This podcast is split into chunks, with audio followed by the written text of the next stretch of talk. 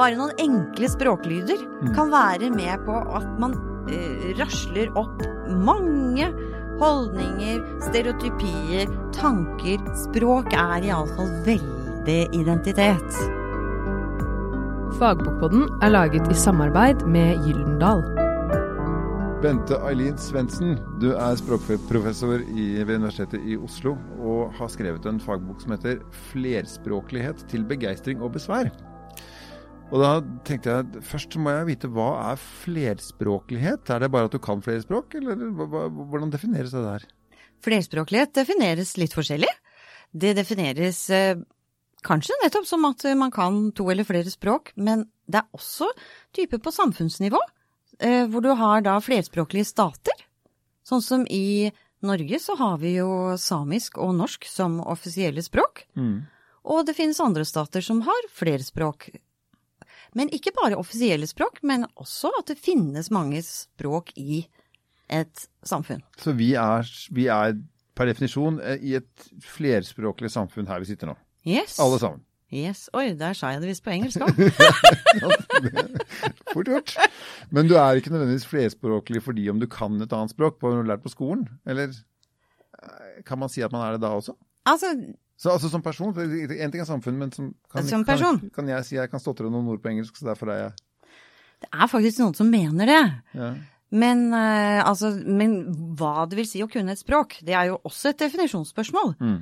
Fordi at uh, man opplever, hvis man f.eks. har hatt et eh, fremmedspråk på skolen, så opplever man kanskje at man har gode forståelsesferdigheter. At man kan forstå ganske mye av fransk eller eh, tysk eller spansk hvis man hører det rundt seg i et annet eh, land, da.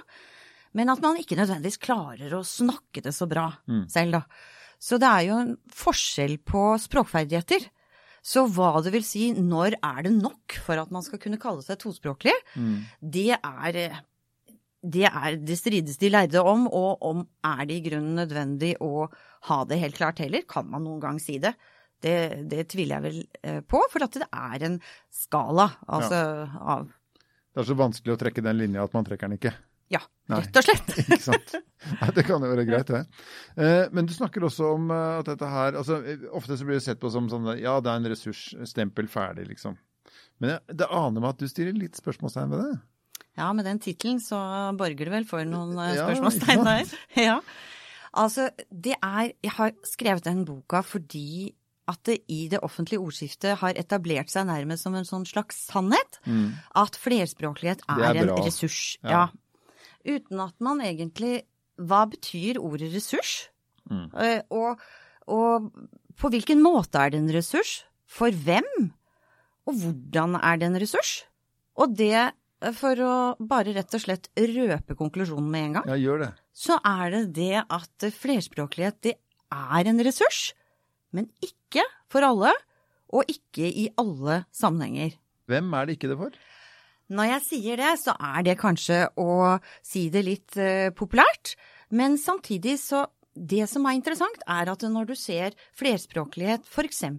i et historisk perspektiv, som jeg også gjør i denne boka, så har alt som handler om tospråklighet stort sett vært negativt.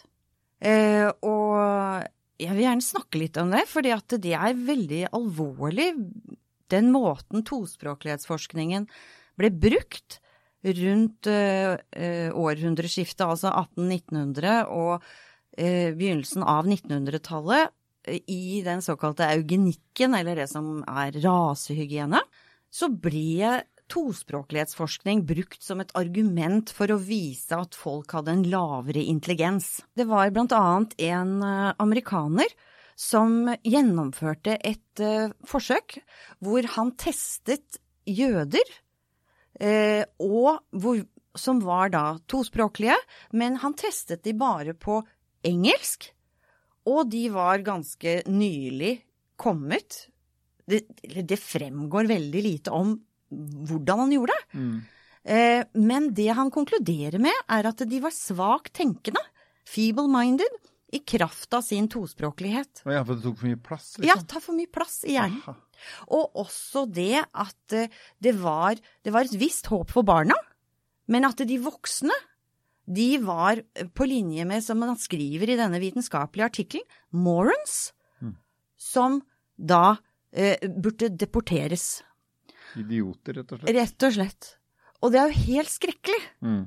Når han har testet på ett språk Mm. på mennesker som akkurat har kommet, Mm.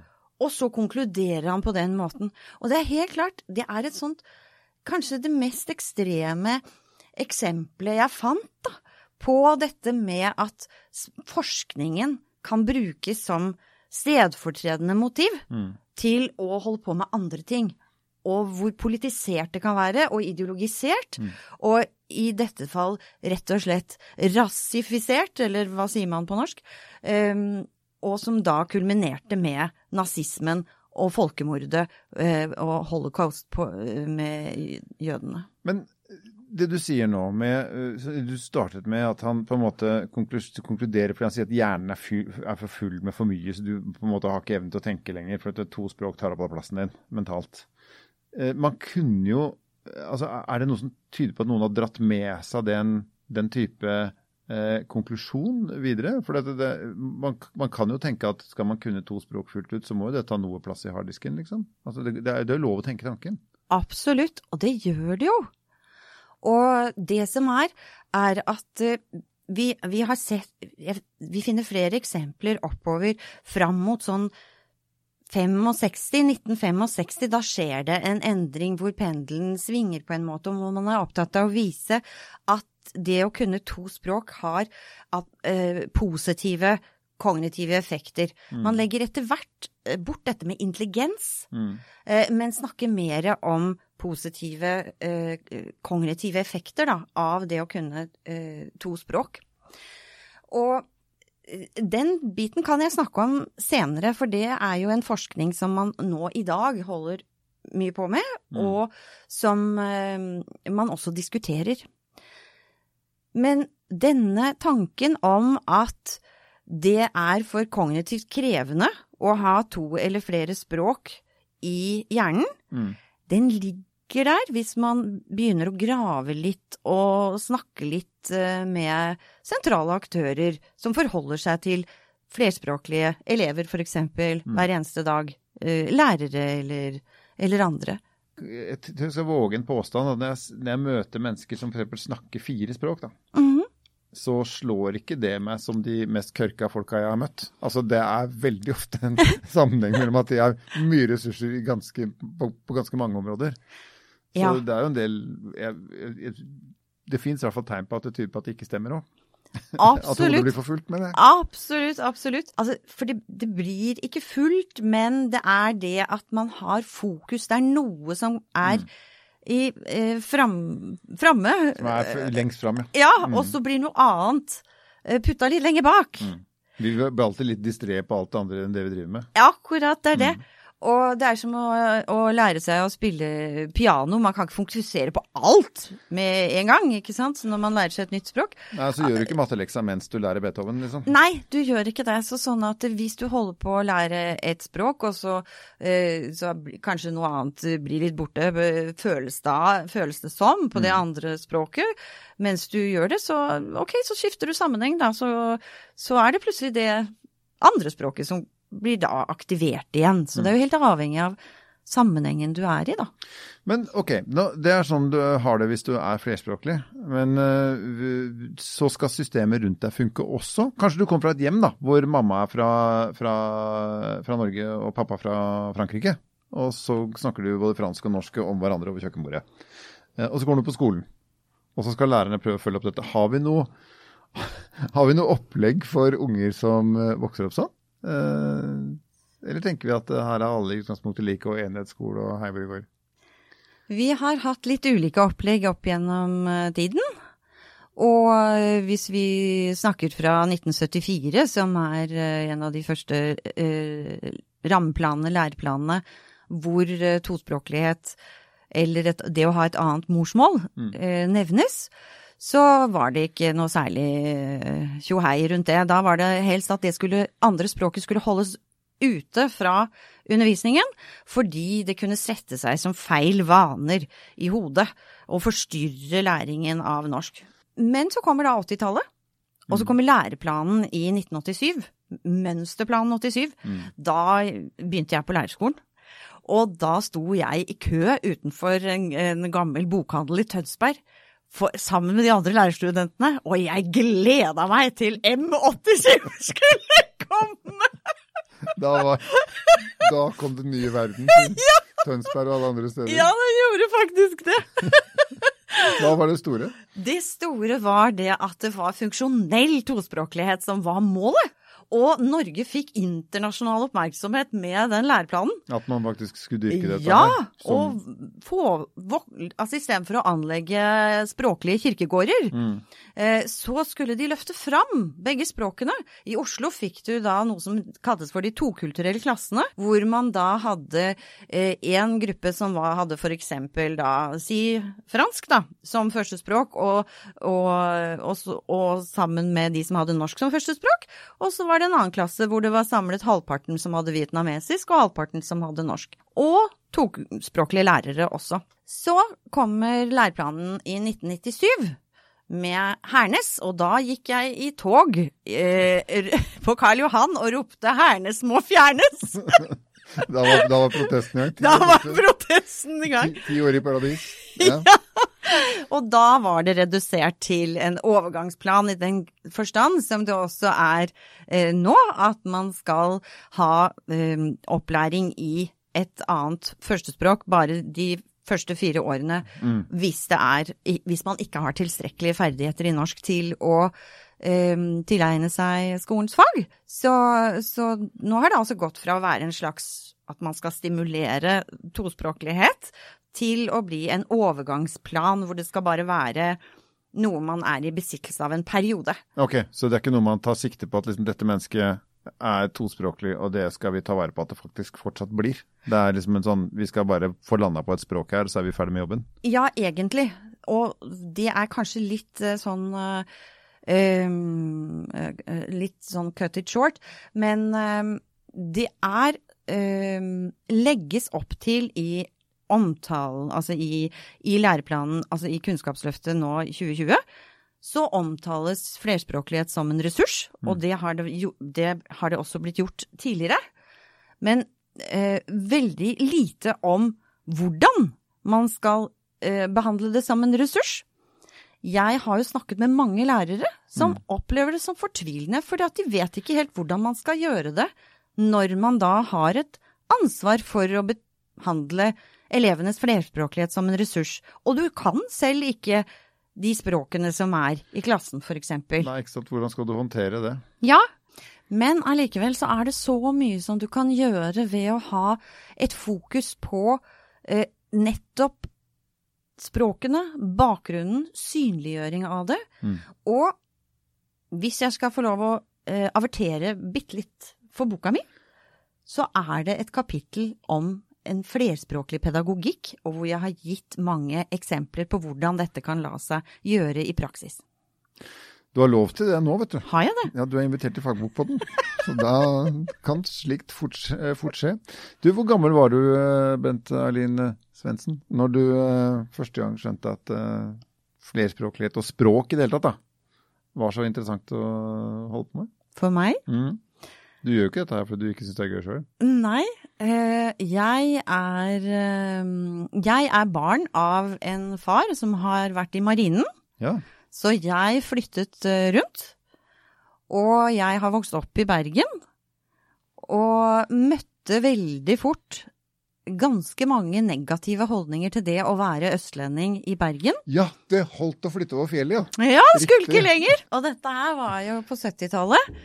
Og jeg eh, må si eh, eh, Nå skal jeg innrømme at jeg har stjålet en bok en gang. Mm. Um,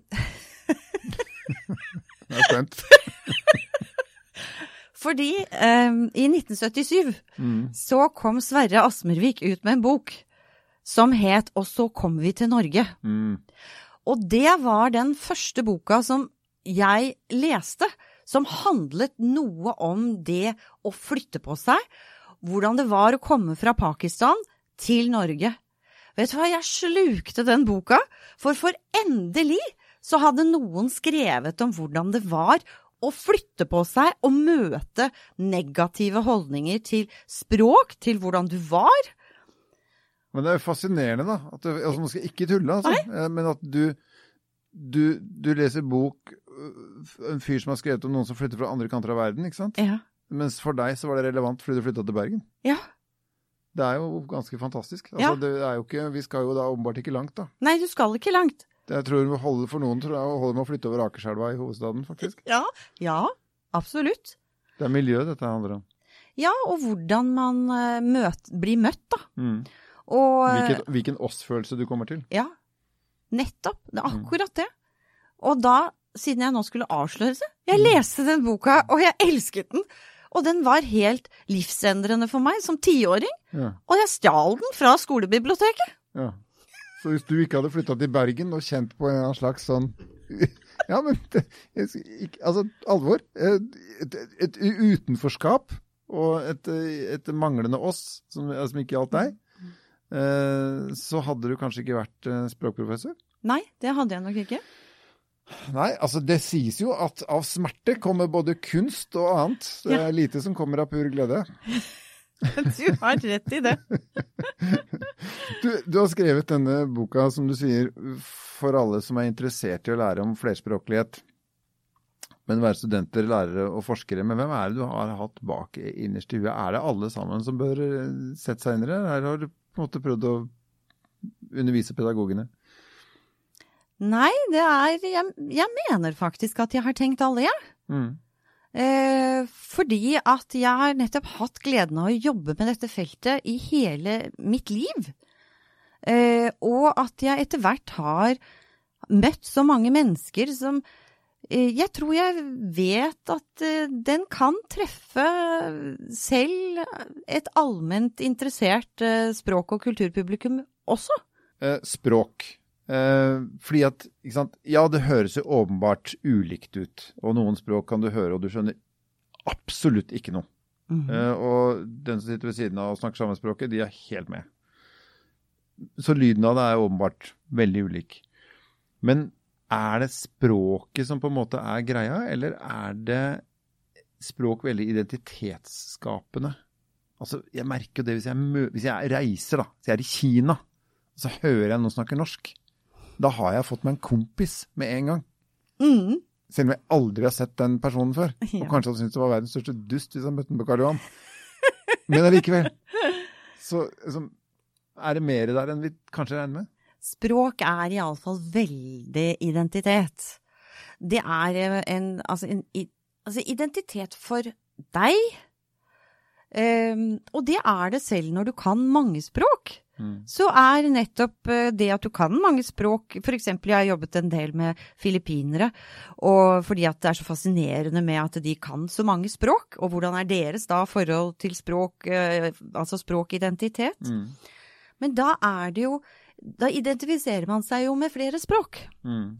Eh, Ja, for da kan du være en del av det også ja, dem imellom. ja. Som du overhodet ikke kan hvis ikke du skjønner det språket. Nei. Men så kan du da, altså sånn som med engelsk, da, i Filippinene, siden det var en amerikansk eh, koloni, eh, så, så er jo engelsk da broen også over til USA og til det at det er så fantastisk mange flinke filippinere som reiser rundt i verden og jobber, ikke sant? Så, men bare, det er også sånn at språket er også identifiserende. Altså, jeg merket det bare jeg møtte deg nede her nå, så tenkte jeg hm, nå skal jeg se hvor mange A-hendelser han har, eller om han sier en der, eller hvordan han sier Oslo eller Oslo!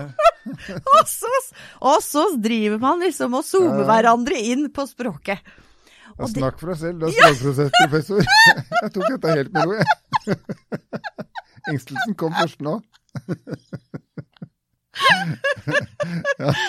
Men det er det.